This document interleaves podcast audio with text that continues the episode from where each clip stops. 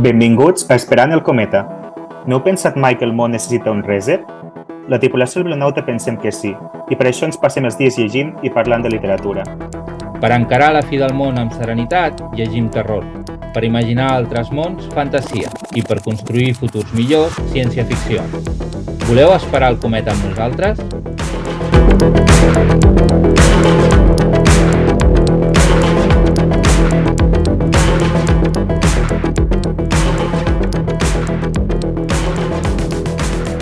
Doncs benvinguts, benvinguts a tots. Uh, estem gravant això a la nit del 8 de gener i, i bueno, és la nit del naixement d'Esperant el Cometa, el podcast sorgit una miqueta de la comunitat, de l'Associació Cultural del Biblionauta. No? Um, alguns potser ja heu vist algunes de les presentacions on, on anunciàvem el projecte, però la idea és doncs, crear un canal diferent on, on poder promocionar i parlar de la literatura fantàstica en català. La idea d'aquest podcast és que serà mensual, anirà apareixent més o menys la segona setmana de cada mes i sempre farem una petita revisió de l'actualitat literària que té a veure amb els gèneres fantàstics i um, alguna tertúlia doncs, relacionada amb això, amb aquests gèneres que obtindrà a veure amb els llibres que hem llegit, amb algun tema que hagi passat, amb coses que ens interessi una miqueta aprofundir.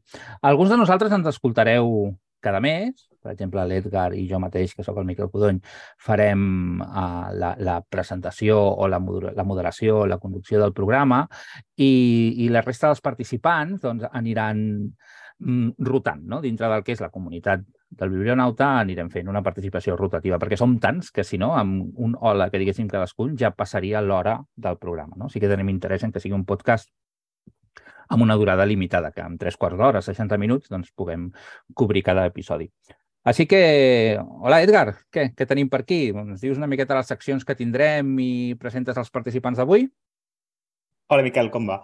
Um, tenim, avui tenim un programa especial, com hem dit, i presentarem el, el millor de, de l'any que creiem nosaltres. És una, una llista totalment subjectiva i i, i que no, no, no, no té cap influència, no ens han influenciat en res ni, ni, ni ens han apuntat a cap pistola. Parlarem de, del que ens ha agradat més. I per això doncs, tenim diversos bilionautes que, que, que ens explicaran les seves millors lectures d'aquest any. I si, ens, I si ens deixen, doncs potser també nosaltres, però també dependrà del temps. I començarem així. Per exemple, tenim la, la Inés McPherson, que és escriptora, crítica literària, moltes, periodista, moltes coses, tot el que pugui, no? Hola, Edgar, i hola, Miquel, i, i hola en general a tothom. Eh, hola. Sí, bueno, no sé, soc, que ja és molt. Sí. També tindrem el Pablo Mallorquí, que a banda, que, que a banda de que avui ens parlarà de les, de les seves lectures, que és un lector voraç de ciència-ficció, fantasia, terror, també de tot tipus, però, però eh, eh, ell vindrà cada mes i ens és, ai, una vegada cada dos mesos, per exemple, per, per parlar-nos de manga, perquè creiem que és molt important al nostre podcast de poder parlar de còmic i, i també ens parlarà de, de les millors lectures d'aquest any. Hola, Pablo. Ah, hola, Edgar i Miquel i tothom. També que és la, és la primera vegada que, que, bueno, que, que entro en un projecte del Biblionauta. Heu tingut el, el, bueno, la generositat d'acollir-me i doncs, vull donar les gràcies primer de tot. I això sí, eh, com dius, eh, jo vindré sobretot a parlar de manga, que és, a part de la ciència-ficció i la fantasia, és un dels hobbies principals que tinc, però com també has dit, sóc també igual de lector de ciència-ficció, fantasia i terror com vosaltres, així que també a la tertúlia també afegiré els meus, les meves opinions, així que gràcies. Gràcies a tu. Després et passarem la quota de participació. Després també tindrem el Joan Manuel Soldevila, que ha dit que, el, que li diguem professor Soldevila, Sol de Villa. Mestre, professor? Estic, eh? Sol de Villa. Encantat de, de col·laborar amb aquest projecte i bé, jo parlaré de, de TVOs, no des de la vessant manga, sinó des de la vessant de, de, de, de còmic europeu i còmic americà. I bé, suposo que serà una secció interessant i sobretot espero que sigui un estímul perquè els editors editin més en català eh, còmic americà i còmic europeu. eh, esperem aconseguir aquest objectiu. Sí, a poc a poc van sorgint projectes, però, però encara necessitem més impuls, i tant. I per acabar tenim doncs, el, el jefazo, el capità del biblionauta, i, i que, que, que, bueno, que, que també està, jo crec que també està molt il·lusionat per aquest projecte, no, Daniel? Sí, sí, bona nit. Suposo que això de jefazo anava per mi, però vaja, no, no, no me'n sento ni de, ni de bon tros. És un projecte coral i, i aquest any més que mai, no? Que Miquel i l'Edgar i també en Pablo i tota la resta doncs, heu agafat les regnes d'aquest podcast que, que a mitjà termini doncs, ha de venir una miqueta a substituir el que eren les habituals uh, ressenyes que continuarem fent aquests primers mesos, però que després de mica en mica doncs, d'alguna manera traslladarem en aquest podcast, no? en el qual doncs, parlarem de, de, o parlareu sobretot vosaltres dels, dels llibres que vagin sortint amb aquesta, amb aquesta planificació magnífica que, heu, que ens heu explicat ara. No? Per tant, encantat d'estar avui aquí. Molt bé. Tenim també a l'Edgar amb nosaltres, que és el que ens ha estat presentant fins ara. L'Edgar és escriptor, traductor i moltes coses més, Edgar? També, sí, sí, corrector i tot el que calgui. I lector, ah, sí. i molt lector. Sobretot lector, no? Molt bé i jo mateix, que sóc el Miquel Codony i que bueno, sóc professor, com molts dels que participen en aquest programa, i, i l'actor. En aquest cas, aquí estic com a, com a lector i que fa temps que, que participo en saraus d'aquests que, que m'agraden i m'aporten molt. I tenim també, tot i que no està presencialment, però sí que l'escoltareu, la, la seva veu a cadascun dels programes, a la Júlia Baena. La Júlia Baena, molts de vosaltres la coneixereu per la seva activitat a xarxes socials i a Twitter. És una bibliotecària molt especialitzada en, en literatura juvenil, en sap moltíssim, i eh, bueno, l'hem enganyat una miqueta perquè ens faci en cadascun dels programes una recomanació que ens enviarà gravada i serà amb el que finalitzarem cadascun dels episodis, d'algun títol de literatura fantàstica juvenil, no? escrita que, sí, que hagi estat publicat en català. La idea serà que de forma alterna en uns programes parlarà de títols actuals que hagin acabat de ser publicats i en altres programes anirà parlant de clàssics o títols més o menys imprescindibles no? que s'han de llegir de, doncs, dintre d'aquesta branca de la fantàstica juvenil. Aquest programa, el primer, és una miqueta diferent, ja ho anireu veient en estructura, perquè el que ens farà serà una sèrie de recomanacions que sí que estaran també al final del programa. Molt bé, amb això jo crec que una miqueta el, el, el programa està una miqueta explicat i et sembla, Edgar, si comencem a, a, a, a parlar dels títols que més ens han cridat l'atenció, no? És això, són títols que ens han semblat interessants mm -hmm. per una o altra raó, que ens creiem que val la pena destacar, sense ànim de fer un rànquing ni, ni de fer una selecció del, del millor, no? Tampoc ho hem llegit tot, tot i que entre tots, déu nhi el que hem llegit. Sí, sí, Toni, jo crec que el millor per començar és el capità, no? Que, que, que comenci ell pues vinga, capità. Bones. Bé, eh, sí, com dèieu, el, el, el que seria això seria una miqueta llibres que em semblen interessants, però el dels rànquings o el de les llistes de... Uf, eh, o sigui, quan intento fer-ne 10 me'n surten 20, quan intento fer-ne 3 me'n surten 5, mai, mai acabo de quadrar aquest tema i és bastant un mal de cap. Jo he trobat tres títols en aquí que he intentat que enquadressin diferents coses per no caure sempre, jo que sempre, la mateixa editorial o, o que tot fossin contes o coses d'aquest tipus perquè hi hagi una miqueta, una miqueta de tot. A veure, el primer títol que, que voldria destacar dels que es van publicar l'any passat és el de, precisament, el que es titula Les males herbes, per tot un seguit de motius. No? Un dels uh, principals doncs, uh, l'has comentat tu abans, i és que aquest any passat, uh, precisament l'editorial Males Herbes feia, feia 10 anys, i aquest uh, recull de contes d'en Jordi Massó doncs, vindria una miqueta a ser això, un homenatge d'aquests 10 anys, i precisament l'ha titulat amb el nom de, de l'editorial, no? de manera absolutament doncs, uh, volguda. Per altra banda, també la recomanació va en el sentit de que són contes. A mi uh, no sé si és molt habitual o poc, però m'agrada molt llegir contes. Eh, les editorials normalment en defugen perquè es veu que se'n venen poc d'antologies de contes, d'aquelles coses que, que generen una certa doncs, aprensió, però a mi m'encanten els, els contes i jo crec que dintre del món dels contes en Jordi Massó precisament és un, és un talent, no? és un autor que de mica en mica s'ha anat reivindicant, a cada nova antologia que feia doncs, eh, s'hi sumaven més, eh, més adeptes i ens va sorprendre amb l'hivern de Corfú, que era una novel·la, una novel·la que, que a mi em va agradar, però tot i això jo crec que el seu punt fort continuen sent els, els contes, perquè hi ha una intensitat i hi ha un, una manera de fer que, vaja, que és molt personal. És veritat que l'antologia aquesta de les males herbes no són tot eh, contes de gènere fantàstic, i aquí estem recomanant precisament literatura fantàstica. No? Um, si tenim una miqueta de màniga ampla, per això jo crec que, no sé, 4 o 5 dels relats que hi ha potser sí que els hi podríem eh, encabir dintre del gènere fantàstic, però sobretot 3.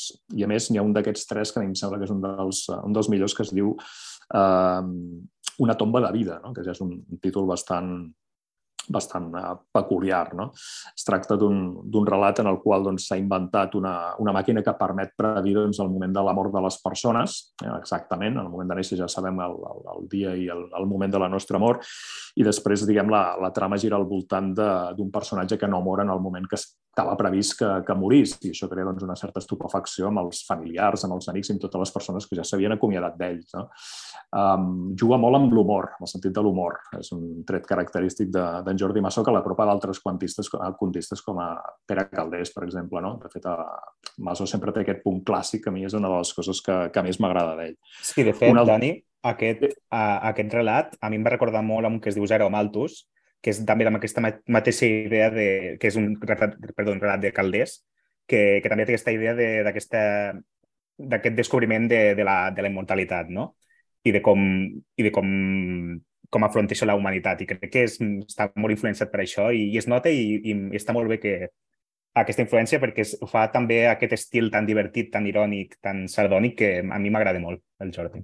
És molt, és molt de la literatura catalana fantàstica, no? Això de la, la sàtira, l'ironia... Sí, utilitza la sàtira, la sàtira i la ironia, però jo crec que també, des del punt de vista narratiu, Masó uh, utilitza un recurs de Pere Caldés, que és el de començar una història dintre d'una certa quotidianitat, d'una realitat menys o, més o menys acotada, i tot el que ens introdueix un element que, ens, que, que trenca no? amb, aquesta, amb aquesta normalitat absoluta. No? I això ho trobem en, en tots els contes, amb els que no són fantàstics, amb els més realistes també. No? És un element de tall fantàstic, de tall sobrenatural, però és alguna cosa que, que d'alguna manera doncs, eh, crea estupefacció allà al mig, no? que trenca la, la, la quotidianitat i la, la monotonia. Això ho té, ho té molt i jo crec que cada vegada ho ha anat afinant, ho ha anat afinant més. No? I els altres dos contes que deia que crec que també són de gènere serien L'infern a la Terra, que és una història dura, cruel, perquè això Caldés potser no ho tenia tant, però a Massó sí que hi ha una certa crueltat en els, en els seus relats. Parla de l'atropellament d'un fill i de com després els, el matrimoni doncs, ha de superar, o en aquest cas no superar la mort del fill, i sobretot el narrador, és una mica com la mala dona no? de, de, de, de, de, Marc Pastor. De, de Marc Pastor, és un narrador aquí de, de tall sobrenatural, que és el que ens explica la, la història. I un altre també sobrenatural, el tercer i últim crec jo, és Teatre d'ombres, cap al voltant del tema de la literatura, dels premis literaris, que és una altra de les coses que a Massó li agrada molt, que és el tema metaliterari. No? Parlar d'escriptors, parlar d'ell mateix, hi ha uns contes aquí que, que parla d'ell mateix i fins i tot parla del llibre que està escrivint. No? L'últim relat que és pràcticament un making-of de les males herbes, no? Del, de l'antologia que, està, que està escrivint. Aquesta seria la meva primera recomanació. Molt bé. Aquí tu has parlat de has reivindicat una miqueta el relat curt, només volia afegir que tenim a la Inés, la Inés que és una de les defensores del relat, jo crec que en, en, en català de, de categoria. bueno, eh, a veure, jo sóc defensora del, del, del relat en, en tots els formats, ja ho sabeu, o sigui, llegit, i si és narrat també, perquè per alguna cosa em dedico a això, però la veritat és que el Jordi sí que és, és com dir, quan, quan parles del, de, dels autors en català, siguin fantàstics o no, eh? sempre surt el Caldés, en Monzó, el Pàmies, i jo crec que ja, jo crec que o sigui, dins d'aquest mm, grup el Massó ja té un, un nom o un pes, o com a mínim l'hauria de tenir perquè ho ha demostrat, ho ha demostrat en contes llargs, en contes més curts, per exemple, amb Ambrosia, o sigui que mm, és un autor reivindicar i el gènere és un gènere reivindicar. Com deies tu, Daniel, sí que és veritat que hi ha certa tendència a considerar que el conte és menor, però ho fem nosaltres, perquè la resta del món no. A Anglaterra, als Estats Units, a tot Sud-amèrica, el conte és el, el relat és un gènere uh, molt important. Sí. Ja està aquí. Molt bé. I jo només vull afegir, abans de tornar-te la paraula, um, Dani, uh, que has fet servir l'expressió de màniga àmplia en, en la concepció del fantàstic. Jo no entenc el fantàstic sense màniga ampla. Vull dir que en aquest sentit jo penso que com a podcast això hem d'entendre-ho, ens hem de quedar amb tot el que podem. Ampliar fronteres. Ja està, et torno la paraula a tu. Vale, la segona recomanació que faria és uh, La casa infernal. El que passa que he de confessar que és una recomanació una mica... O sigui, no pel llibre, sinó per la recomanació en si. És que no he acabat de llegir el llibre encara, no? I diràs, home, com és possible que no hagis acabat de llegir La casa infernal si resulta que ets uh, codirector també de l'Arcà i que això va aparèixer l'any passat a l'Arcà? A veure, el de la codirecció o el de l'assessorament a l'Arcà és precisament això. Nosaltres, jo i en Jordi Casals, sobretot, el que fem és d'assessors, de proposadors de, de llibres cadascú en proposa alguns i aquests llibres sí que són els que acompanya, diguem, després en el seu camí editorial. La Casa Infernal és un llibre que jo mm, no el vaig portar, diguem-ho així, l'any passat, no el coneixia, evidentment Madison sí que el coneixia, havia llegit sobretot els seus contes altra vegada, no? El, quan va treure els Gigamés, crec que me'ls vaig llegir els dos volums sencers i, i vaig quedar entusiasmat. La, el Soc Llegenda és una de les meves novel·les favorites, però no m'havia llegit mai La Casa Infernal. I quan l'estic llegint ara em sembla que és un llibre magnífic, extraordinari, que no para de recordar-me altres llibres que també m'han agradat molt sobre el tema de les cases encantades, no? des de clàssics molt clàssics i que potser no són mm, això que no hagi llegit molta gent, jo que sé, la, la Casa i el Cervell, per exemple, no? que també apareixen a l'Arcà o el Castell d'Otranto, o de Stephen King El Resplendor, les novel·les, eh, les dues, no? sobretot de, de la Shirley Jackson, també de, de Cases Encantades. Tothom que hagi gaudit una miqueta amb aquest tipus de literatura jo crec que li agradarà la, la Casa Infernal. També l'he recomanat perquè l'any que ve farà 10 anys de, de la mort sí. de, de Richard Madison, em sembla que l'efemèride doncs, bé, bé s'ho valia, i també perquè en la mateixa col·lecció de l'Arca l'any que ve sortiran coses xules de, de Madison, no? tant la dimensió desconeguda, que serà un conjunt de relats de, de l'autor, com també L'home minvant, que seria l'altra novel·la així important no? de les grans de, de Madison.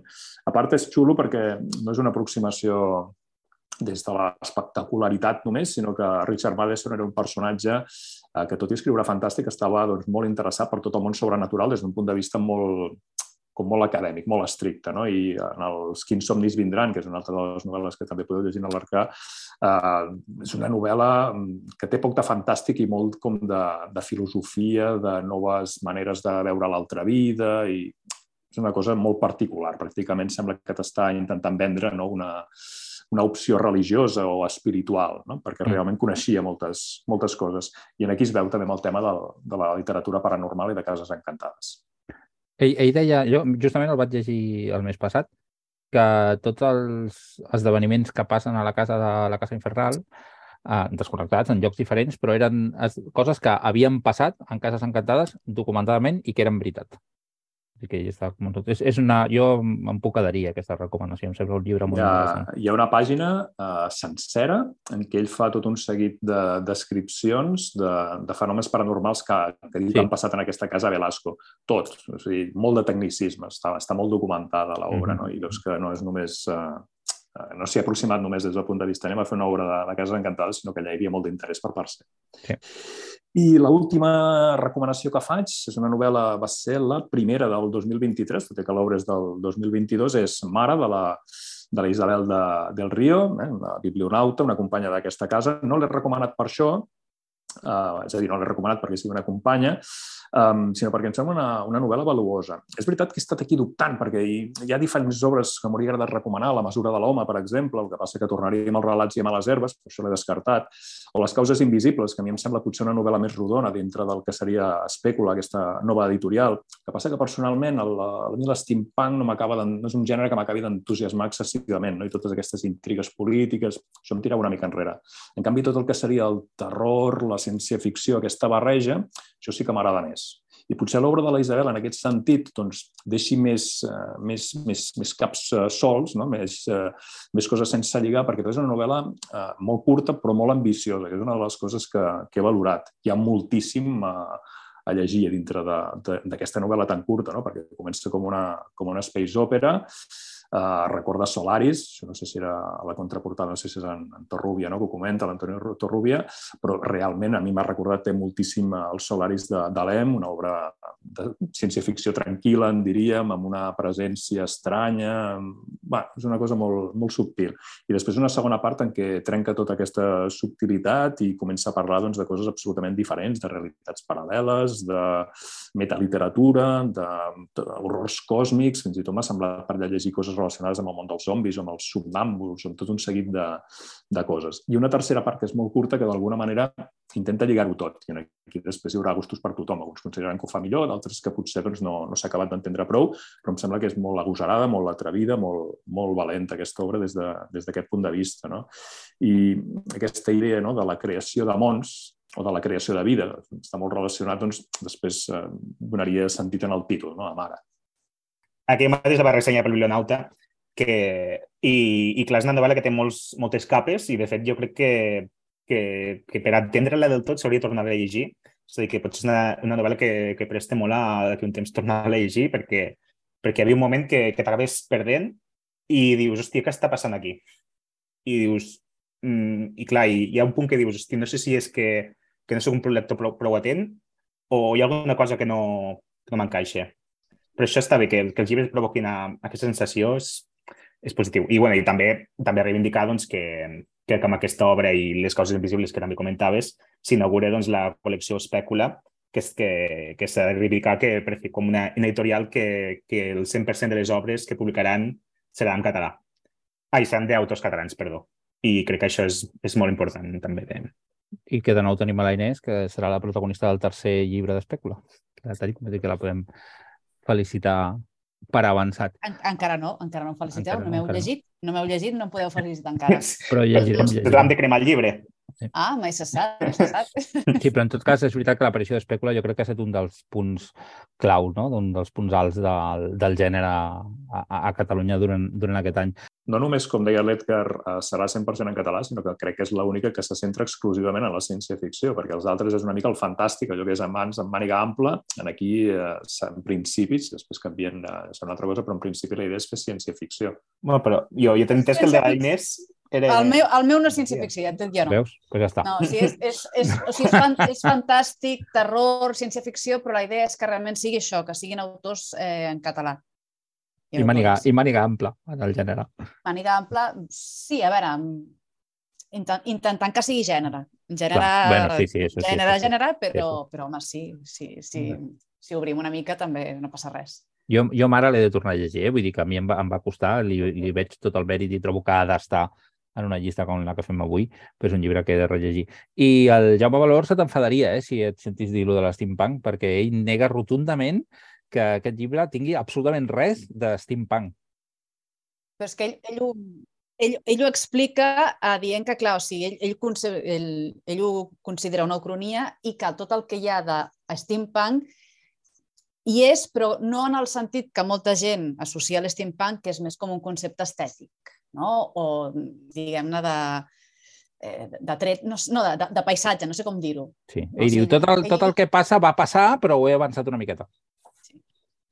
Jo, jo ho deia perquè des d'un punt de vista subjectiu potser m'atreu més el tipus de novel·la de la Isabel, el tipus de temàtica de la Isabel, però objectivament la, la novel·la d'en Jaume m'ha semblat una novel·la molt rodona.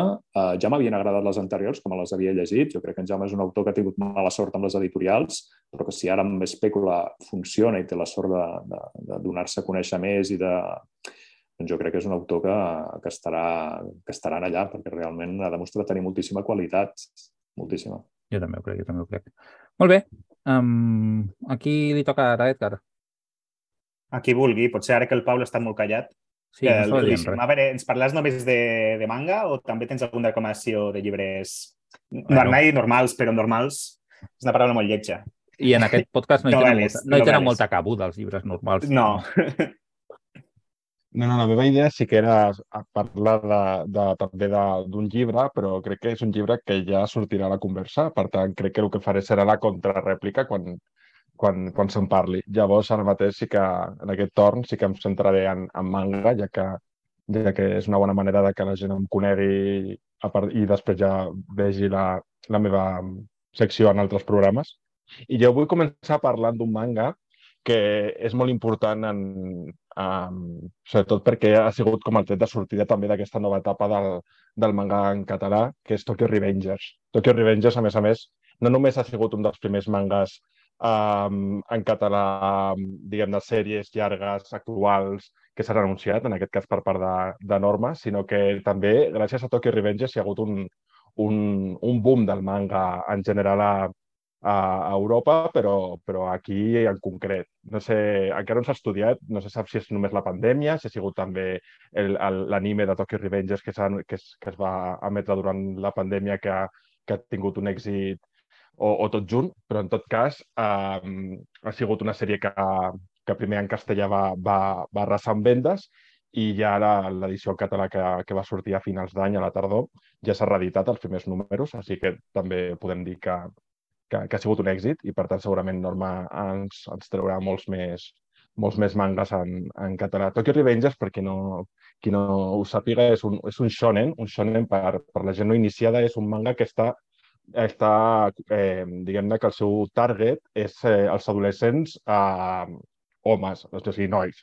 O sigui, el, el manga té aquesta visió demogràfica del, del target de, i, de, i com si fos un gènere fins i tot. Hi ha com el shonen per, per, per nois, el shoujo es diu per les noies, el seinen és per, per adults homes i el josei per, per dones. En aquest cas estem parlant d'un shonen, o sigui, un, un manga per, per adolescents, que tracta el tema de, de les bandes de carrer de, de, de, del Japó. En aquest cas és un noi, un noi que, que, que, que té 26 anys i que um, descobreix que, que una antiga nòvia que va tenir al, a l'institut va morir, va morir. I, I en un dia que estava després d'assabentar-se'n um, va caure a les vies del tren i abans que, que el tren passés i, i el mateix descobreix que viatja en el temps i va viatjar a, a 12 anys abans, a la seva època d'adolescent. I en aquest viatge en el temps decideix que aprofitarà l'ocasió per salvar aquesta, aquesta uh, xicota que va tenir. Llavors, en aquest, en aquest cas estem parlant llavors d'un manga de, de viatges en el temps que, que junta aquest costumisme de les bandes de carrer que, que al Japó són molt importants, sembla una mica de pel·lícula, però al Japó es diuen eh, yanquis, yanquis amb, amb, amb, amb billatina, no, no els eh, nord-americans, i són com una tribu urbana molt important que tenen, que tenen molta presència al Japó i llavors eh, aprofita per parlar aquest, aquest, aquest, diguem aquest estil de vida de, dels adolescents, però barrejat amb aquesta història de viatges en el temps, de buscar eh, diguem-ne que les decisions que pren el, el protagonista viatjant en el temps puguin acabar desembocant en salvar la vida d'aquesta noia que, que, que era companya d'institut. És un manga, ja dic, que, que és d'adolescents i llavors eh, si teniu eh, fills adolescents o, o sou adolescents si ens esteu escoltant, és, és un manga molt divertit, és molt entretingut i com, com, com he explicat abans, eh, gràcies a ell, eh, moltes editorials com Norma i Planeta eh, han començat un altre cop a, a publicar manga en català. Jo puc confirmar um, que amb l'adolescent local de casa és un èxit brutal aquesta, el manga, a ella li agrada molt i, i, i de fet tenim, no sé si tots els volums o no, però uns quants aquí. No, no és nen adolescent, però com que ja no sap això del shonen, li és igual i se'l llegeix igual. En aquest cas ja et dic que, que és una cosa del Japó, que potser al Japó tenen més aquesta rigidesa a l'hora d'entendre de, el, el, el consum de manga, però aquí al final la gent llegeix tot tipus de... siguin shonen, shoujo, o, bueno, potser si ets una mica petit, seinen o josei, que són les parts adultes, sí, sí. no, perquè sí que evidentment tracten temes de... potser que, que necessites una maduresa més, més elevada, però el shonen al final no deixa de ser el gènere o, o el, el tipus de manga que, que més es consumeix al, al Japó i aquí a, a Occident també. Sí, sí, és com una enorme, és una gran notícia que, que, que comenci a publicar en català perquè és una forma també d'introduir el català als adolescents, que pot ser com un sector que patien més d'haver de com introduir el, el català, no? I crec que és una gran notícia que, que, man, que mangas com aquest o que o tots els que han anunciat tipus One Piece o tipus Naruto doncs es puguem, els adolescents i nosaltres també, que, que al final no tenen edat, eh, es puguem llegir en català. Sí, jo crec que al final que era una cosa de justícia, perquè és veritat que, que el manga en català o sigui, té, té, ja, ja té molts anys, o sigui, el primer manga en català que es va publicar a, a Catalunya en català um, va ser el, el 92 Bola de Drac.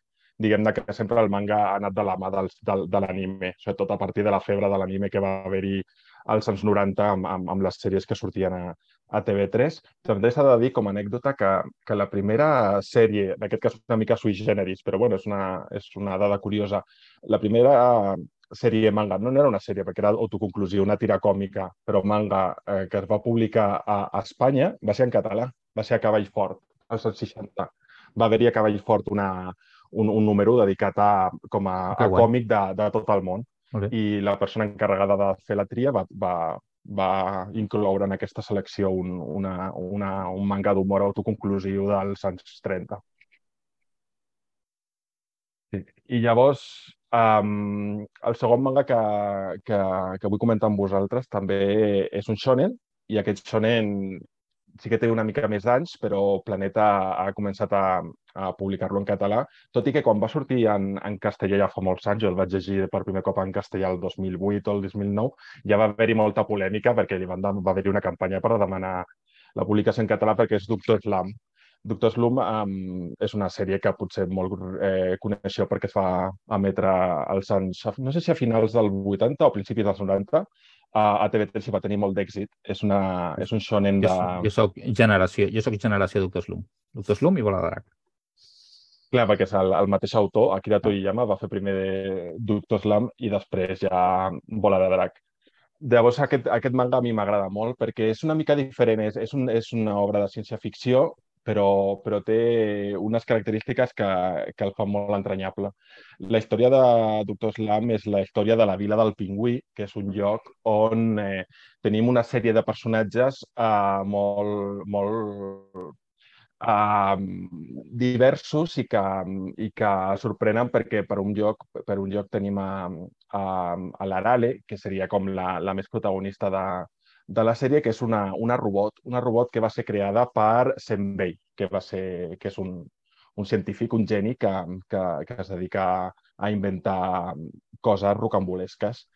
I a part d'aquests dos eh, personatges tenim un, un, uns altres, a aquesta vila, vila del Pingüit, que tindran més o menys um, importància segons el, el, el moment del manga, però també podem destacar la Gatchan, que és la, la, la filla petita de, de, del Sunbay, que té uns poders especials que, que, que sempre acaben sent com la solució a molts embolics que, que es generen. I a mi m'agrada molt pel, pel seu sentit de l'humor, perquè és, és molt bo, però sobretot perquè és una obra de ciència-ficció, perquè ja, ja dic que, que la protagonista és una robot i en general els, els, els invents i, i, i la ciència tenen molta importància, però és costumista i a mi això em fa, em fa em genera molta, molta, molta tendresa, perquè no estem acostumats a veure obres de, de ciència-ficció, de fantasia, que tinguin aquest aire de costumisme, que sigui el dia a dia, de, en aquest cas d'un lloc inventat com és la vida del pingüí, però amb, amb éssers humans, i, i crec que l'humor funciona molt bé. Té, a més, eh, l'Akira Toriyama eh, es nota que domina molt els, la cultura popular relacionada amb, el, amb, amb la ciència-ficció, amb la fantasia i la, i la paròdia al, al, al, al Doctor Slam. Per exemple, hi ha un, un, un personatge que, que es diu Superman, que és el, el revers del, del Superman i, i que és un, per mi un dels personatges més, més, més hilarants del, del, del manga. I res, a Planeta Còmic també amb aquest Hero Academia va ser un dels seus primers mangas en català de 2022 després de, de, de no publicar manga en català més enllà de, de Volada de Drac i, i com ha dit l'Edgar, a, a part d'aquests dos, eh, Planeta també publicarà One Piece l'any que ve, per tant, hi haurà més obres eh, que podrem comentar en propers programes. No sé si heu llegit o vau veure l'anime en, en TV3 en el seu moment. De, el del Doctor Slum? Sí, Hombre, i tant. No, no, jo, bueno, jo no vaig perdre ni, ni un sol capítol. Era... Jo, jo crec que la nostra generació no, no hi ha ningú que no el mirés cap. Eh? Érem addictes, directament. Sí. sí. Era fantàstic. I a més és una bona manera d'introduir-se en aquest humor absurd japonès, que si l'agafes pel mig costa d'entendre, però jo crec que, que tant el Doctor Slum com la, la primera temporada no? de Bola de Drac, que seguia també aquest rol molt, sí. molt carnavalès, no? doncs era una bona manera d'entrar-hi després. Sí. Tampoc, tampoc teníem tant per escollir, però, però a part d'això, vull dir que gairebé estaves una mica obligat a veure-ho, però és que a més era molt bo. El doctor Slum el, el no, tornaria a veure. Quan ho van emetre, jo, jo era una mica grandet, però va, recordo que em va enganxar molt i, i és de les poques coses que vam aconseguir traspassar als nostres fills.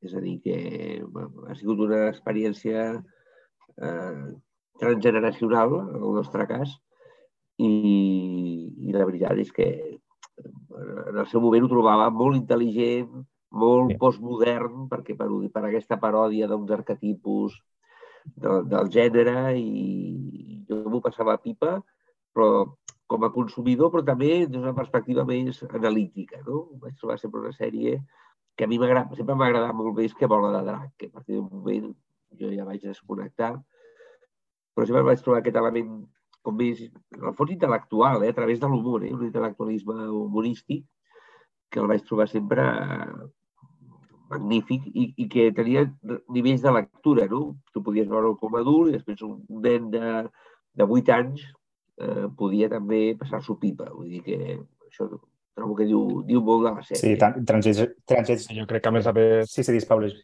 digues. Ah, no, no, que transgeneracional no. fins al punt que jo, eh, és a dir, que, que em potser em ve molt de tornada això, eh, també, com les revisions també m'encantava i, i, i, clar, i potser era una cosa dels 90, però i, que, i jo ja, jo mirava els 2000, 2008, coses així, quan tenia 10 o 12 anys, i, i m'encantava també. És a dir, que, que crec que tam, es nota aquest, que, que ha sabut mantenir aquest humor i aquesta, i aquesta gamberrositat, o com, com, com li volem dir. El que no he llegit són els manga i, de fet, m'agradaria, vull dir, no m'ho havia plantejat, però...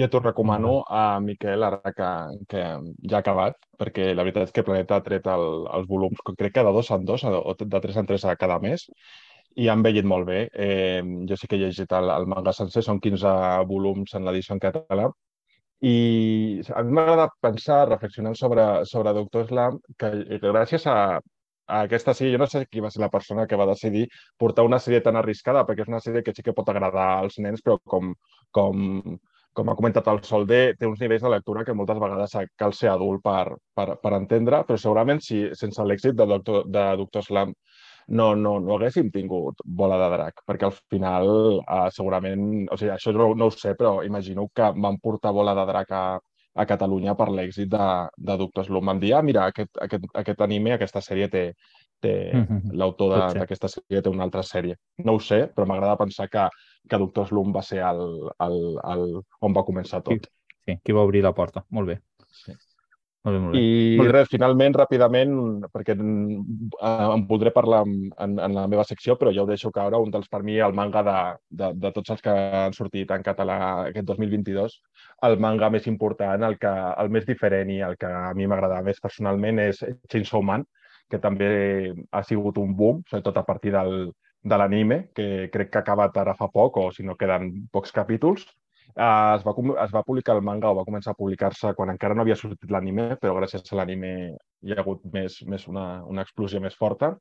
És un shonen també, però en aquest cas és un shonen que, que és diferent, perquè agafa tots els de, d'aquestes sèries de fantasia on hi ha un heroi que té com molta força de voluntat i molt, molt, eh, molta empenta, que té com un somni de, de, de, de ser el millor, de ser el més poderós i, i normalment aquestes sèries com Bola de Drac hi ha una, un, un increscendo dels poders i, i aquesta sèrie no, no, no, no té això. Sí que agafa la, la premissa, però, però la, la canvia radicalment amb uns personatges que a més a més tenen més profunditat, però us en voldré parlar més endavant, així que només deixo aquí que és, una, és un dels mangas per mi claus de, de, en català d'aquest moment. No ets, no ets el primer que me'l recomana amb molta vehemència. Vull dir que aquest sí, a mi, a mi també m'agrada molt i, ja, ja, i millor que el parli amb més profunditat perquè crec que val la pena també. I, i com que encara només hem pogut publicar tres volums en català, ja, ja cap més endavant ja n'he publicat més i encara podrem parlar-ne. A mi m'està encantant el siguis en català i, i tinc moltes ganes que ja surti el quart. Molt bé. Vale. Mirem què ens recomana la, la Inés, així fem còmics, llibres, còmics, llibres i anem alternant. D'acord. Doncs jo, el, una miqueta com em passa com el Daniel, això de fer les llistes costa, eh, voldria recomanar 40.000, eh, escollir-ne uns quants és difícil, però aquest any reconec que tenia molt clar quin recomanaria més que res perquè els editors, eh, quan me'n van parlar, vaig dir aquest llibre jo a mi m'interessa, eh, me'l vaig llegir i vaig dir eh, sí, heu encertat, que és eh, L'home dels ulls compostos, de Wu Mingyi, no sé si ho pronuncio bé, uh, que va publicar Cronos. Eh, és, un, és un llibre que, bé, per, o sigui, també té moltes capes. No? Aquest llibre té, per una banda, té la més, si vols, més òbvia, que és la, la crítica al nostre, a la nostra manera de comportar-nos amb el planeta, eh, amb la contaminació, els plàstics al mar, eh, el consum absolut, la manera en què tractem la costa, eh, que aquesta diguem, seria com el, el, el missatge de fons, però és un llibre poètic, és un llibre eh, que et parla de la comunicació, de, de, de, del llenguatge, de la paraula, de la veu. No? Si tens, tens un, un noi que és l'Atri, que viu a la illa de Guayo Guayo, que és, un, és una illa on, diguem-ne, que encara bueno, que totes, eh, tot funciona a través de rituals i a través d'una concepció quasi mítica de, del món. I, i aquest noi doncs, eh, ha, de, ha, de, ha de fer un viatge. I aquest viatge doncs, eh, el posa en contacte amb una sèrie d'altres personatges. Una d'elles és l'Alice, eh, que també doncs, està doncs, eh, enfrontant-se a la pèrdua una pèrdua molt gran, viu allò també una caseta al costat del riu, que hi ha tota una sèrie d'imatges precioses per, ai, del riu del mar, perdoneu, perquè hi ha un moment en què, clar, o sigui, hi, ha un, hi ha un tsunami i no, aquesta casa, aquest mar no, que havia estat a un lloc i va creixent i va creixent i aquesta casa doncs, com va, va simbolitzant també una, tota una sèrie de coses. No? I és, uh, és un llibre que és preciós en tota, en tota la manera en què està escrit. I, o sigui, és, és, jo crec que és una manera d'entendre el, eh, el fantàstic, quasi la mitologia, no? aquesta cosa així com més, més màgica, si vols, que és, és un... No sé, crec que és un llibre molt, molt especial. Jo voto molt fortament aquest llibre, és, per mi és el llibre de gènere que ha sortit aquest any també i quasi que és el llibre que ha sortit aquest any de no gènere, m'és igual. És, sí, és, és el llibre. És un, tros de, és un tros de llibre, però per això, eh, perquè o sigui, tots els personatges secundaris, com estan construïts, la forma en què tot el...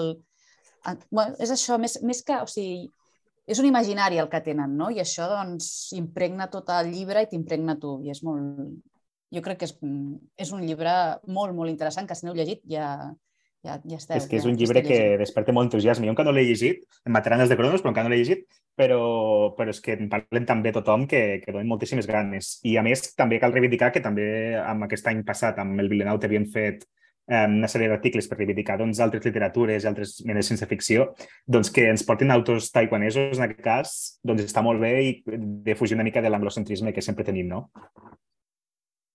Sí, no, no, és, és, és, no, i és això, o sigui, realment té, transmet aquest punt cultural diferent i ho notes en com està construïda la història i en tot. Però, bueno, llavors, segon llibre. El segon llibre és un clàssic entre els clàssics dels clàssics eh, i és, eh, bueno, és una reivindicació tant del llibre com també de l'editorial que, que l'ha portat, que és el Solaris de, de l'Estanislau Lem, que ha publicat en català eh, Calandraca amb els, aquest segell que tenen, que és Factoria K, amb una traducció del, del Xavier Ferrer, um, que, clar, eh, per una banda, reivindiquem, jo vull reivindicar l'editorial perquè està fent una feina molt maca, portant clàssics molt interessants, de gènere i de no gènere, eh? perquè o sigui, tenim a Philip K. Dick, però per exemple també tenim a Kerouac, no? que també l'estan publicant. Per tant, eh, és, és, un, és un segell a, tenir en compte. I Solaris, bé, és que pff, no sé quant, quanta estona dius, Miquel, que tenim, perquè si em poso a parlar de Solaris... però... ens, queden, ens queden uns 20 minuts i tenim la tertúlia pel davant encara. Vale, vale, doncs tiro, tiro. Però, però, però Solaris però sí, és... molt bona. És que, és, és, mm, és que el van fer l'any passat, el van fer al, Club de Lectura Virtual del Festival 42, el van fer en castellà perquè encara no estava en català, i com a mínim, diguem-ne, en, en la versió virtual. I, i la veritat és que és, és que és un llibre que dona mm, quilòmetres i quilòmetres de tinta per parlar-ne per, per la seva profunditat, per com treballa tot el tema de la comunicació, el tema de l'altre, um, com aquesta idea no, d'intentar-te comunicar amb un ésser extraterrestre, digue-li ésser, digue-li planeta, digue-li oceà, i aquest antropocentrisme que tenim sempre, no? i com aquesta impossibilitat de trobar un, una forma de, de poder-se comunicar. Bueno, jo crec que, que, a més a més, dintre del que és la història de la ciència-ficció literària, és un dels, de, dels punts àlgids no? d'un tipus de ciència-ficció que, a més a més, no ve de la tradició nord-americana i que tracta temes amb molta profunditat sense preocupar-se massa de si és o no és ciència-ficció, simplement de tractar temes de, de forma original i que, Filosofia, i que ho fa molt bé. Sí, sí és, una, és el, el llibre que també volia comentar, però ja com l'Aines el, el volia comentar, doncs ja eh, he preferit esperar a la seva introducció al llibre. A mi és un dels llibres de ciència-ficció que més m'agrada.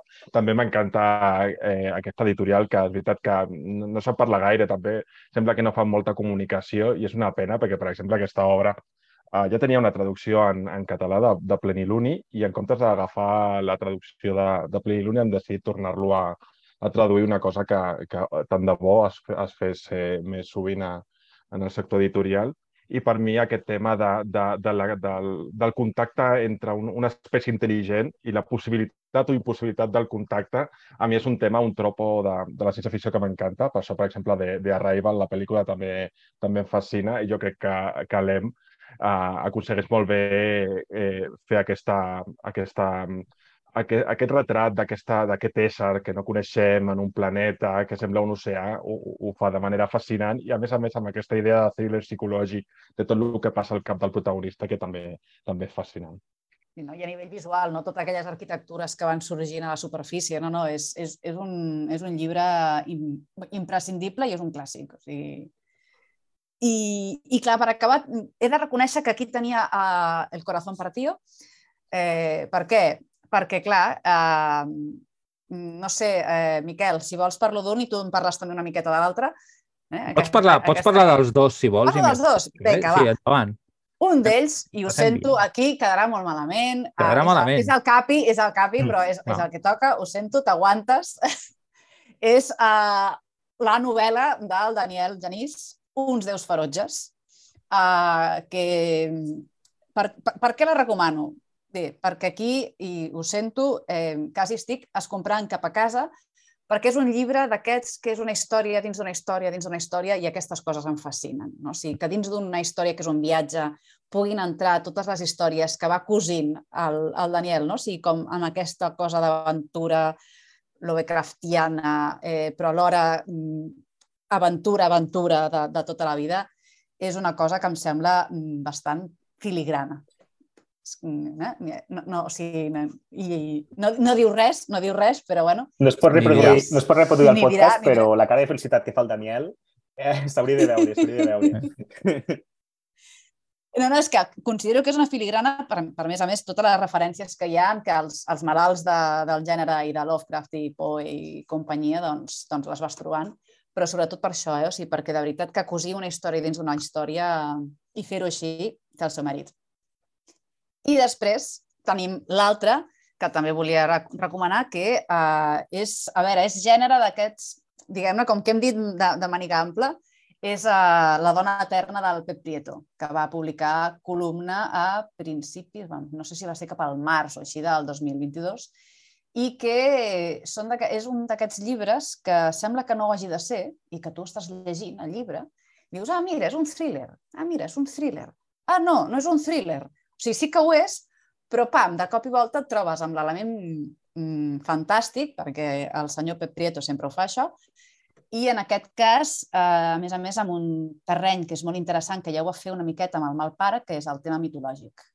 No? Que aquí també tenim un, un tema mitològic, un tema dels miralls i de, sobretot, eh, reflexionar sobre com la imatge i el temps ens afecta molt, sobretot a les dones, en aquest cas. Jo que no l'he llegit, però, però li faré una ullada. Té bona pinta. Molt bé, per acabar, doncs, doncs el Joan Manuel Soldevilla, doncs, a veure de què ens parlarà, de, de quin còmics ens parlaràs. Eh, bueno, primer faré, com sempre, una queixa. Jo sempre soc de queixar-me així, una queixa, una reivindicació. Eh?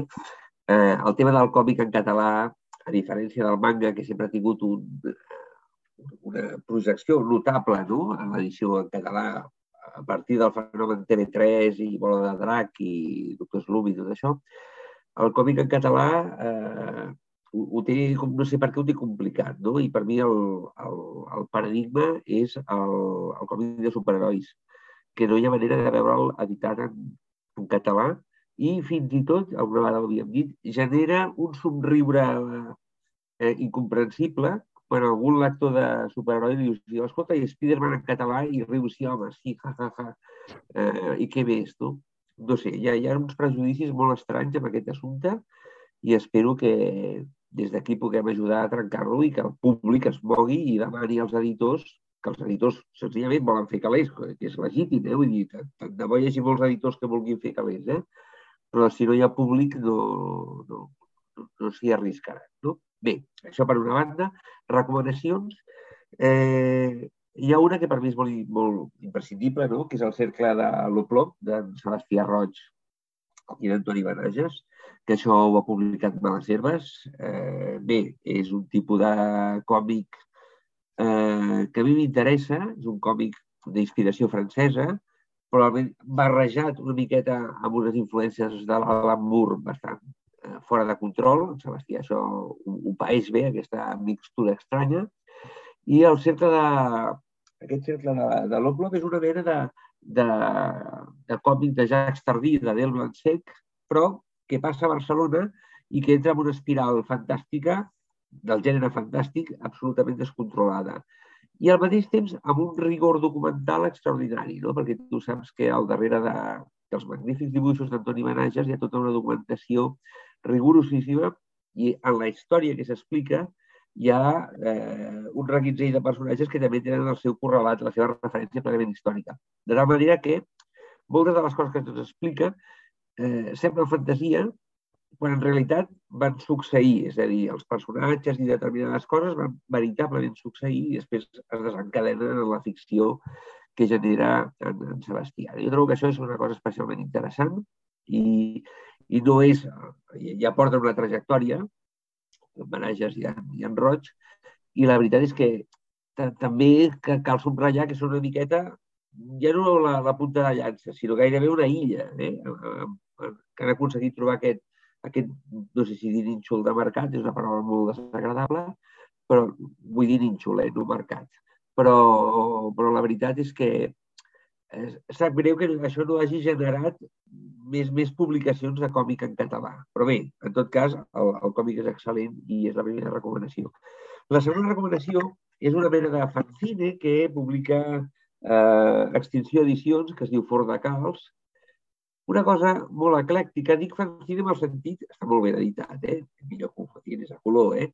però que és, és una barreja de, de treballs diversos, eh, d'autors diversos, i eh, on el gènere, la, la fantasia i la ciència ficció, té una part significativa, encara que no és troncal. No? Però, eh, no sé, la, la lectura és molt interessant per la proposta que, que et formulen i en tot cas, si, si hagués de destacar algú seria Jaume Pallardó. Jaume Pallardó havia, eh, havia fet un còmic extraordinari que era La muerte rosa, fa un parell d'anys, abans de la pandèmia, perquè explicava tot el de la pandèmia, però independentment d'aquesta circumstància profètica, no? Eh, era un còmic magnífic. I aquí té una història que es diu La dama mecànica, que eh, estaria en la línia del, de l'steampunk, eh, retro-victoriano futurista, aquestes coses una mica estranyes, i eh, magnífica en la composició i magnífica en el guió. En aquest sentit jo ho trobo esplèndid. No? I la tercera recomanació que voldria proposar ja se'n va a, una, a uns autors que no són, no són catalans, però una traducció al català de la, la, la paràbola del sembrador de la Octavia Butler, que això va sortir en còmic als Estats Units crec que fa 3 o 4 anys, ara ha sortit en, en català.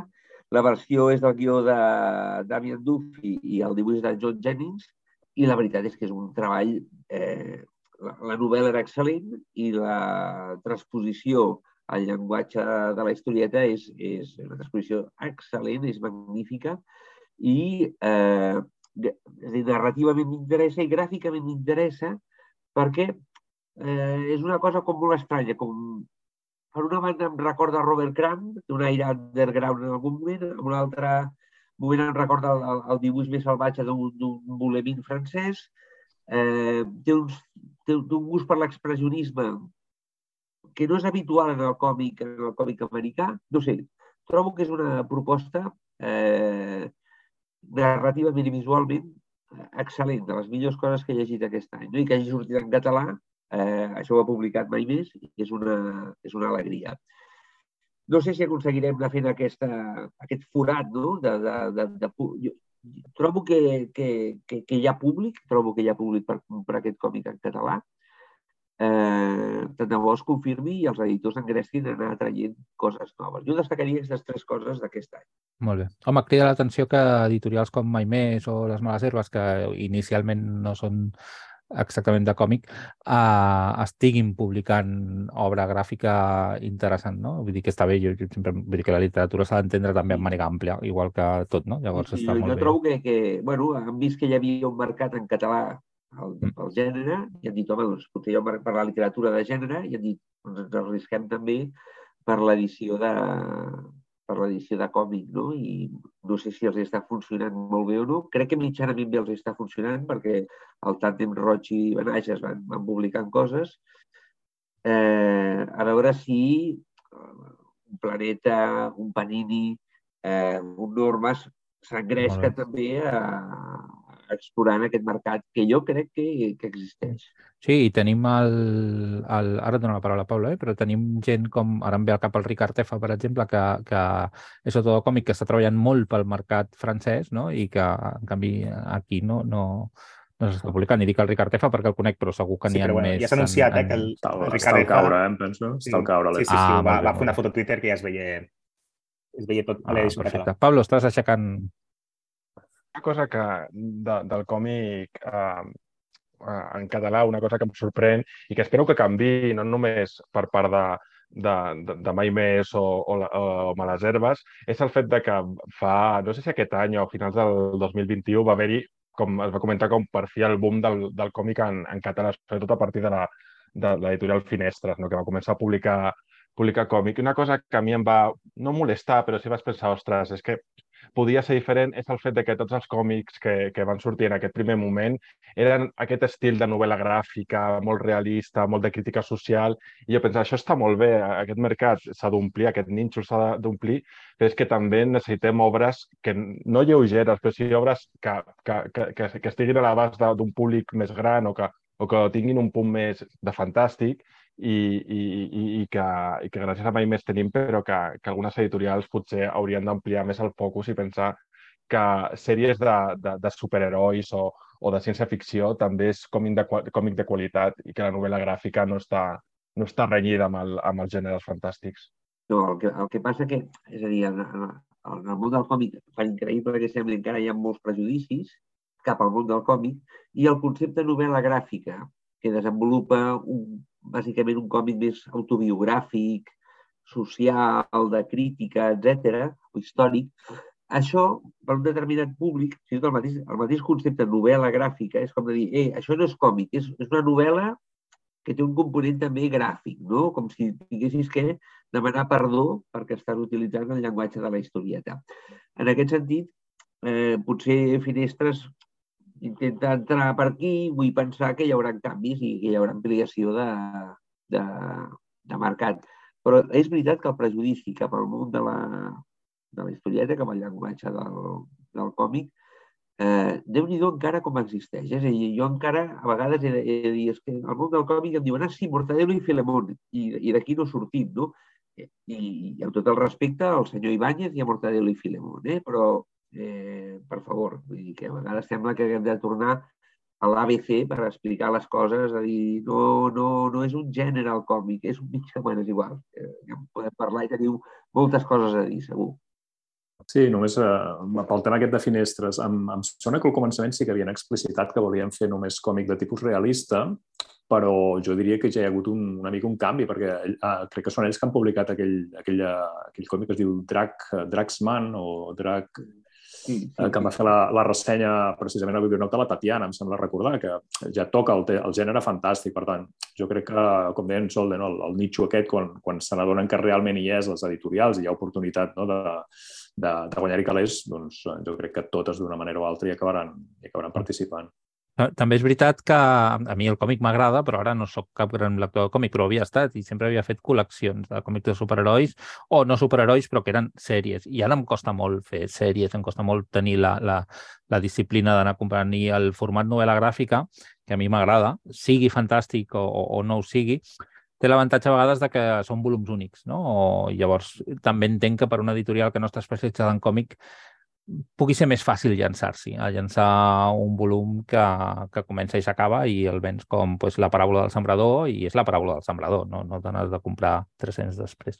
Però en tot cas, no, tot, no, vull dir que no, no estic negant res del que heu dit, eh? crec que teniu tota la raó, però sí que entenc la dinàmica que pot portar algunes editorials a, a, a llançar-se a aquest mercat amb, amb volums que tenen unes característiques que els fan més, més fàcils de manegar, potser.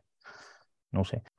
Molt bé, doncs hem passat el que dèiem, no? una bona revista, jo crec, el que han anat publicant. Ara teníem intenció de fer una tertúlia una miqueta més general, dèiem, de, de, de coses que han anat passant. Com que ens hem allargat una mica massa, aquesta tertúlia la posposarem a la tertúlia del programa 2, que serem menys gent i, serem, i parlarem de menys títols i tindrem una miqueta més d'espai, però sí que ens agradaria com a mínim fer una miqueta un, un llistat de coses que nosaltres trobem destacables que han anat succeint. No? I com, igual que la llista que hem fet abans dels títols, no és excloent, eh? vull dir, igual algú troba a faltar coses, doncs ens disculpem des d'aquí. Sou més que benvinguts a escriure'ns pel Twitter i dir-nos us heu deixat això i ho esmentarem al segon programa, no? Què et sí, sembla, Edgar? Sí, tant. Abans hem fet com una mena de titulars, a veure, que, de que, que ens podem deixar coses, però una mena de titulars de, de la, de, de, del que dona sí de l'any, de l'any.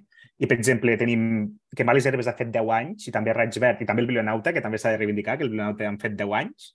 També hem parlat abans que l'editorial Espècula um, ha nascut la lectura d'espècula, provinent de llibres delicte i dirigit per Jordi Casals, i que defensen la publicació d'autors només en català, que, que això és un punt molt, molt important de reivindicar. També tenim que, amb, aquest, amb aquesta mateixa línia, que Cronos i Obscura s'estrenen publicant obres d'autors d'aquí, que abans no ho tenien. La Cronos en, casa, en el seu cas ha obert la col·lecció Gazzara, que són de, de novel·letes així molt pulp, molt curtes. En, en aquest cas han començat amb Enric Herce i, i Sergi Osset i, i, i Obscura amb una novel·la fantasia um, que és L'hereu de la mort de l'Albert Font. També ha, ha sonat moltíssim aquest any la publicació de la biografia de Pratchett, que mai més ha publicat tant en català com en castellà. També doncs, mai més ha portat mil coses, la, la Octavia Butler, ens ha portat els còmics que han parlat abans de la paraula seu nadó um, o, o M de Monstre. I també tenim, i han portat autors aquí com l'Ivan Ledesma o la Mercè Falcó, és a dir, que, una, que ens han portat molt, moltes novetats. I també va ser molt, a, a xarxes se'n va parlar molt de la, també de la unió de Mai Més Llibres i, i Raig Verd per per, per crear d'una llibres per publicar doncs, doncs els clàssics um, que, que, que crec que ens faltaven a, en català o que estan molt destacatalogats. Um, un exemple va ser com van publicar abans Dune i ara publicaran el Messies de Dune, i també doncs, la publicació de Fundació i d'altres novetats que han anunciat per l'any que ve com la, com la Fidera Infantesa o, o Encontrem Rama de, de Clark. I mm, també Raig Verd ha obert la, la, la col·lecció juvenil Indòmita, que ha començat amb, amb el Castell Ambulant, i, i que ha anunciat també un, un, un, no serà només de fantàstic, però um, farà tot un seguit de, de novetats amb, que, que també tindrà molt a veure amb el gènere fantàstic l'any que ve doncs, té un llibre que no me'n recordo el nom perquè és molt complicat, però de les galetes, que, que es diu de les galetes, d'autodefensa sí, de, la, de, galeta, de la Kingfisher, que, que se'n molt bé i té molt bona pinta i segur que, que llegirem. Um, també, doncs, com ens ha parlat el Pablo, doncs, tenim s'ha impulsat molt la traducció de, de mangas en català, de, de Norma ha publicat els seus primers en català, que no he publicat mai, Planeta ha tornat a publicar mangas en català, que havia estat molt temps, i també ha nascut l'editorial Kaji, que també doncs, ens, ens promet doncs, portar més, més mangas en català. I també doncs, al, al canal Super 3 s'ha reactivat també una mica la, la no publicació, la, la emissió de, de programes d'anime en català, que també és molt important doncs, per, per difondre el, el gènere, perquè molts d'aquests animes són, són de gènere. També tenim doncs, l'editorial Alertes, que ja, ja aquest any farà 40 anys aquest 2023, que sí, hi ha impulsat autors com Lovecraft, Howard, també publicat Conan Doyle, un, un, i, i han anunciat, per exemple, la, la publicació del, del llibre de contes de la dimensió desconeguda de Matheson. Per exemple, amb SEC amb, també ha, continua impulsant autors d'aquí, amb, per exemple, han acabat la, la trilogia, la, no, biologia de Sabre Sal i han publicat també l'autora la, Sonia Boch amb, amb un llibre dintre de l'univers Fetilla.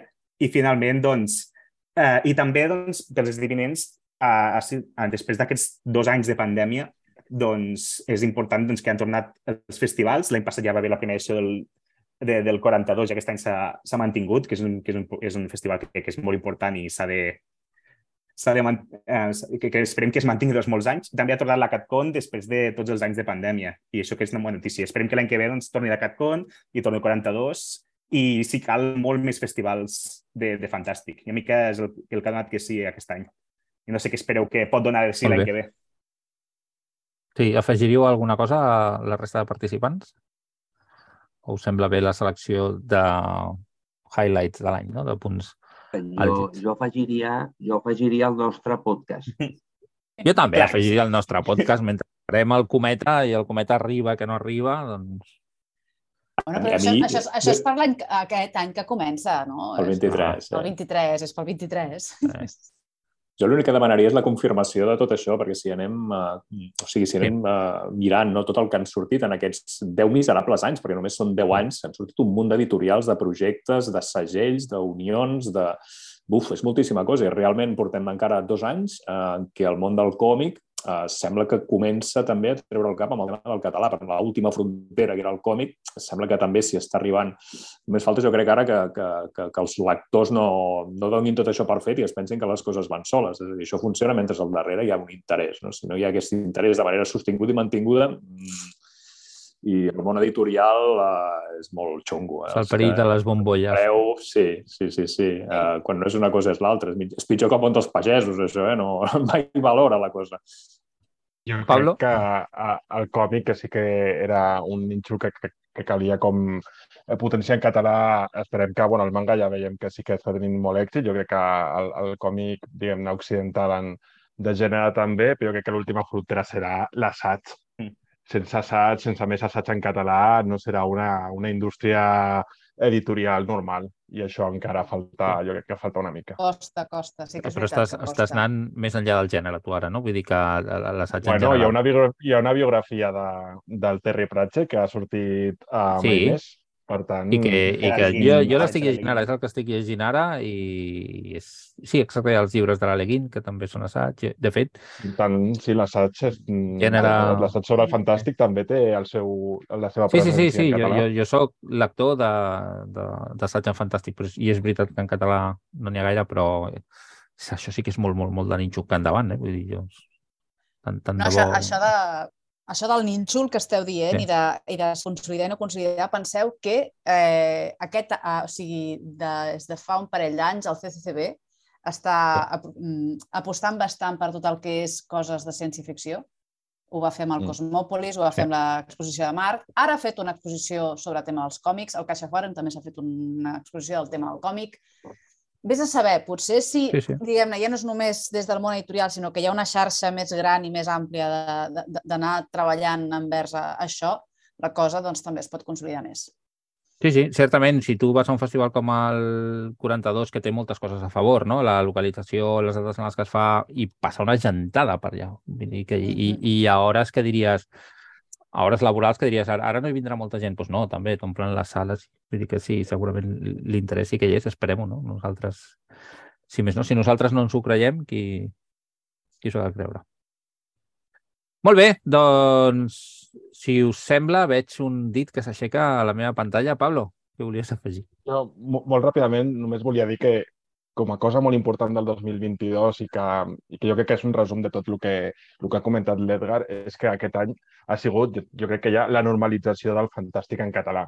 Perquè abans es parlava d'auge, de, de, de, de, de, de, de que començava a despuntar, que tornava a començar a, a semblar-se a, una, a una cultura normal i jo crec que aquest any ja, ja no se'n parla d'aquest auge perquè ja es considera que això ja eh, està per quedar-se i això jo crec que és uh, la, la principal alegria que ens ha donat el, el 2022. Surten noves editorials, les que hi havia es mantenen i jo crec que ja tenim un, un mínim de, de- d'oferta que fa que sigui ja un gènere uh, molt, molt consolidat. I, I que, a més a més, ha, ha desaparegut el factor remolc, no? Ja hi ha molts títols que dones per sentat que apareixeran directament en català sense, que, sense plantejar-te si són o no en castellà, que fins ara era, ostres, per què està en castellà això i en català no? no? Ara tens, pues, ara se m'acut els últims que he llegit, que són els de l'Ada Hoffman, no? Els que està traient Cronos, per exemple. Són novel·lasses de ciència-ficció, si t'agrada la ciència-ficció, i només estan en català.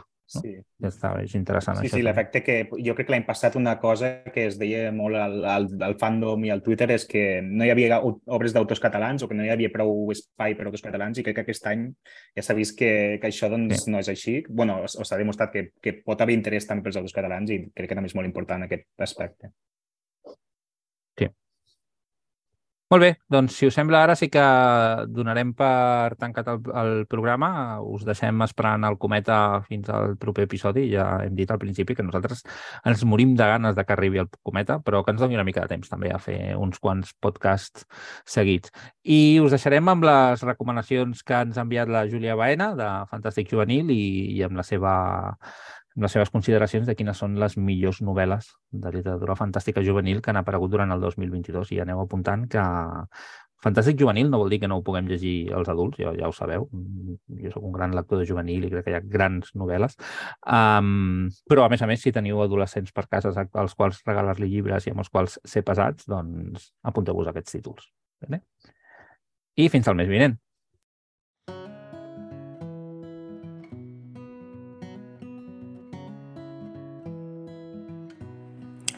Doncs comencem les recomanacions de novel·la juvenil fantàstica en català amb Cendra, història d'una nena i del seu monstre. És una història de fantasia màgica amb tints realistes, escrita per Jonathan Auxier i publicada per Blackie Books. Està ambientada a Londres victorià i ens explica la història d'amistat entre una nena que es diu Nan Sparrow, que és una nena òrfana que neteja xamanelles, i un golem de cendra. En alguns punts recorda a clàssics de la literatura com l'Oliver Twist de Charles Dickens, especialment per tot allò que fa a la, a la crítica social del treball infantil a través de la mirada d'un protagonista orfe. I els punts forts de la novel·la eh, serien la personalitat de la protagonista i la presència del golem que és una figura fantàstica que potser molts nois i noies doncs, no coneixen. Pot enganxar molt a partir dels 10-11 anys aproximadament.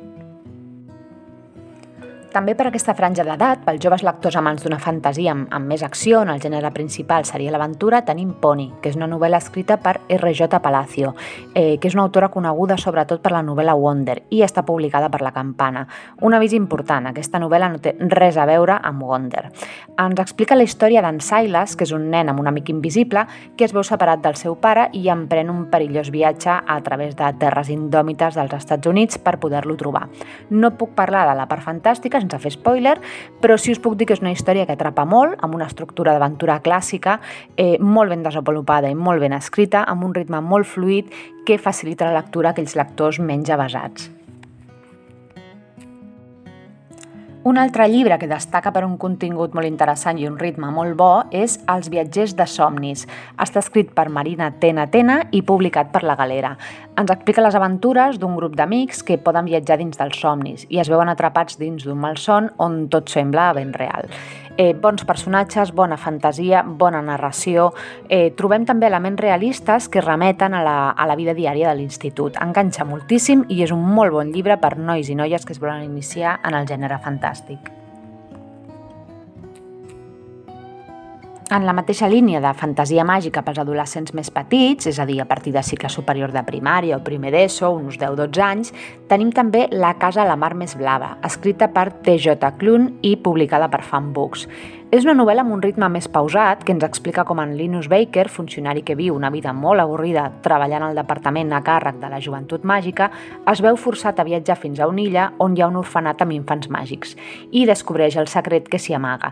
Està carregada d'humor i de tendresa i es destaca per una cura de caracterització dels personatges i, com és habitual en l'obra de l'autor, amb protagonistes LGBT, fantasia, amistat, amor i humor. En el mateix registre de fantasia i humor trobem la reedició del clàssic El castell ambulant per part d'Indòmita, que és el nou segell juvenil de Raig Verd. Uh, està escrita per Diana Wynne Jones i és una obra multipremiada i portada al cinema per Estudis Ghibli. Segur que molts, de fet, us sona el títol. En realitat és la primera obra d'una trilogia, tot i que aquesta primera part és bastant autoconclusiva. Ens explica la història de la Sophie, que és la més gran de les germanes Hatter, que treballa a la botiga de barrets de la família. I quan la bruixa de l'Armot li llença un malefici, la Sophie haurà de demanar ajuda a l'estrany Mac Hole, que viu a un castell ambulant. Tota la trama està esquitxada de sentit de l'humor, en alguns moments molt subtil i en d'altres molt descarat i, i absurd, que recorden el millor Terry Pratchett. En algun tram sí que és cert que el ritme s'alenteix i pot resultar un repte per als lectors menys avasats, però crec que conèixer el destí de la Sophie i dels habitants del castell és un al·licient més que suficient per mantenir l'atenció.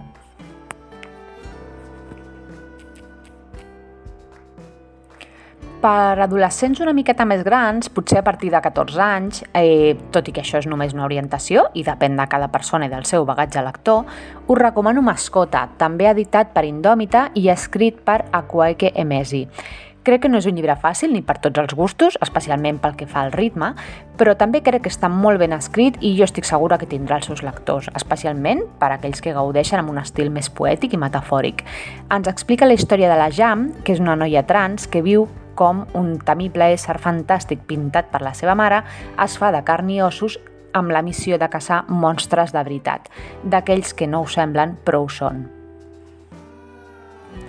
I acabem amb una altra recomanació pels adolescents més grans, Gossos salvatges, que és una distopia escrita per la catalana Georgina Dalmau i publicada per Fanbooks. És una història dura i descarnada que ens explica com en un planeta Terra destruït pels humans, la jove Duna i els seus amics intenten sobreviure.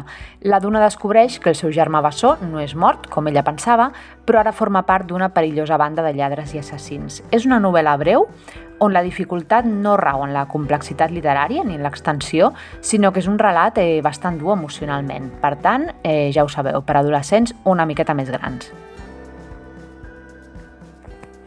I ja per adolescents majors de 15 o 16 anys, o, o lectors més joves però amb més experiència lectora, recomanem tots els llibres de Terry Pratchett, que edita mai més llibres, especialment Bons Abranys, que és un clàssic escrit amb, amb Neil Gaiman.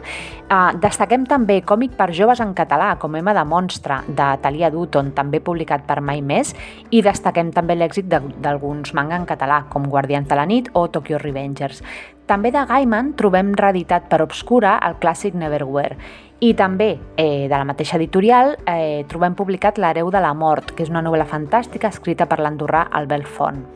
Com en les novel·les anteriors citades, a partir de 15 o 16 anys, no serien estrictament juvenils, però sempre hi haurà lectors avançats que les poden llegir perfectament. Aquest any 2022 hem trobat a faltar bona ciència-ficció en català per joves. Alguna distopia, alguna ucronia, alguna space opera, mm, però molt poca quantitat i qualitat. I el mateix podríem dir del terror, que en castellà encara es troba alguna cosa però en català ben poc. I sobta perquè és un gènere apreciat per molts adolescents. Així que creuem els dits i veiem què ens porta aquest nou any 2023. Adeu!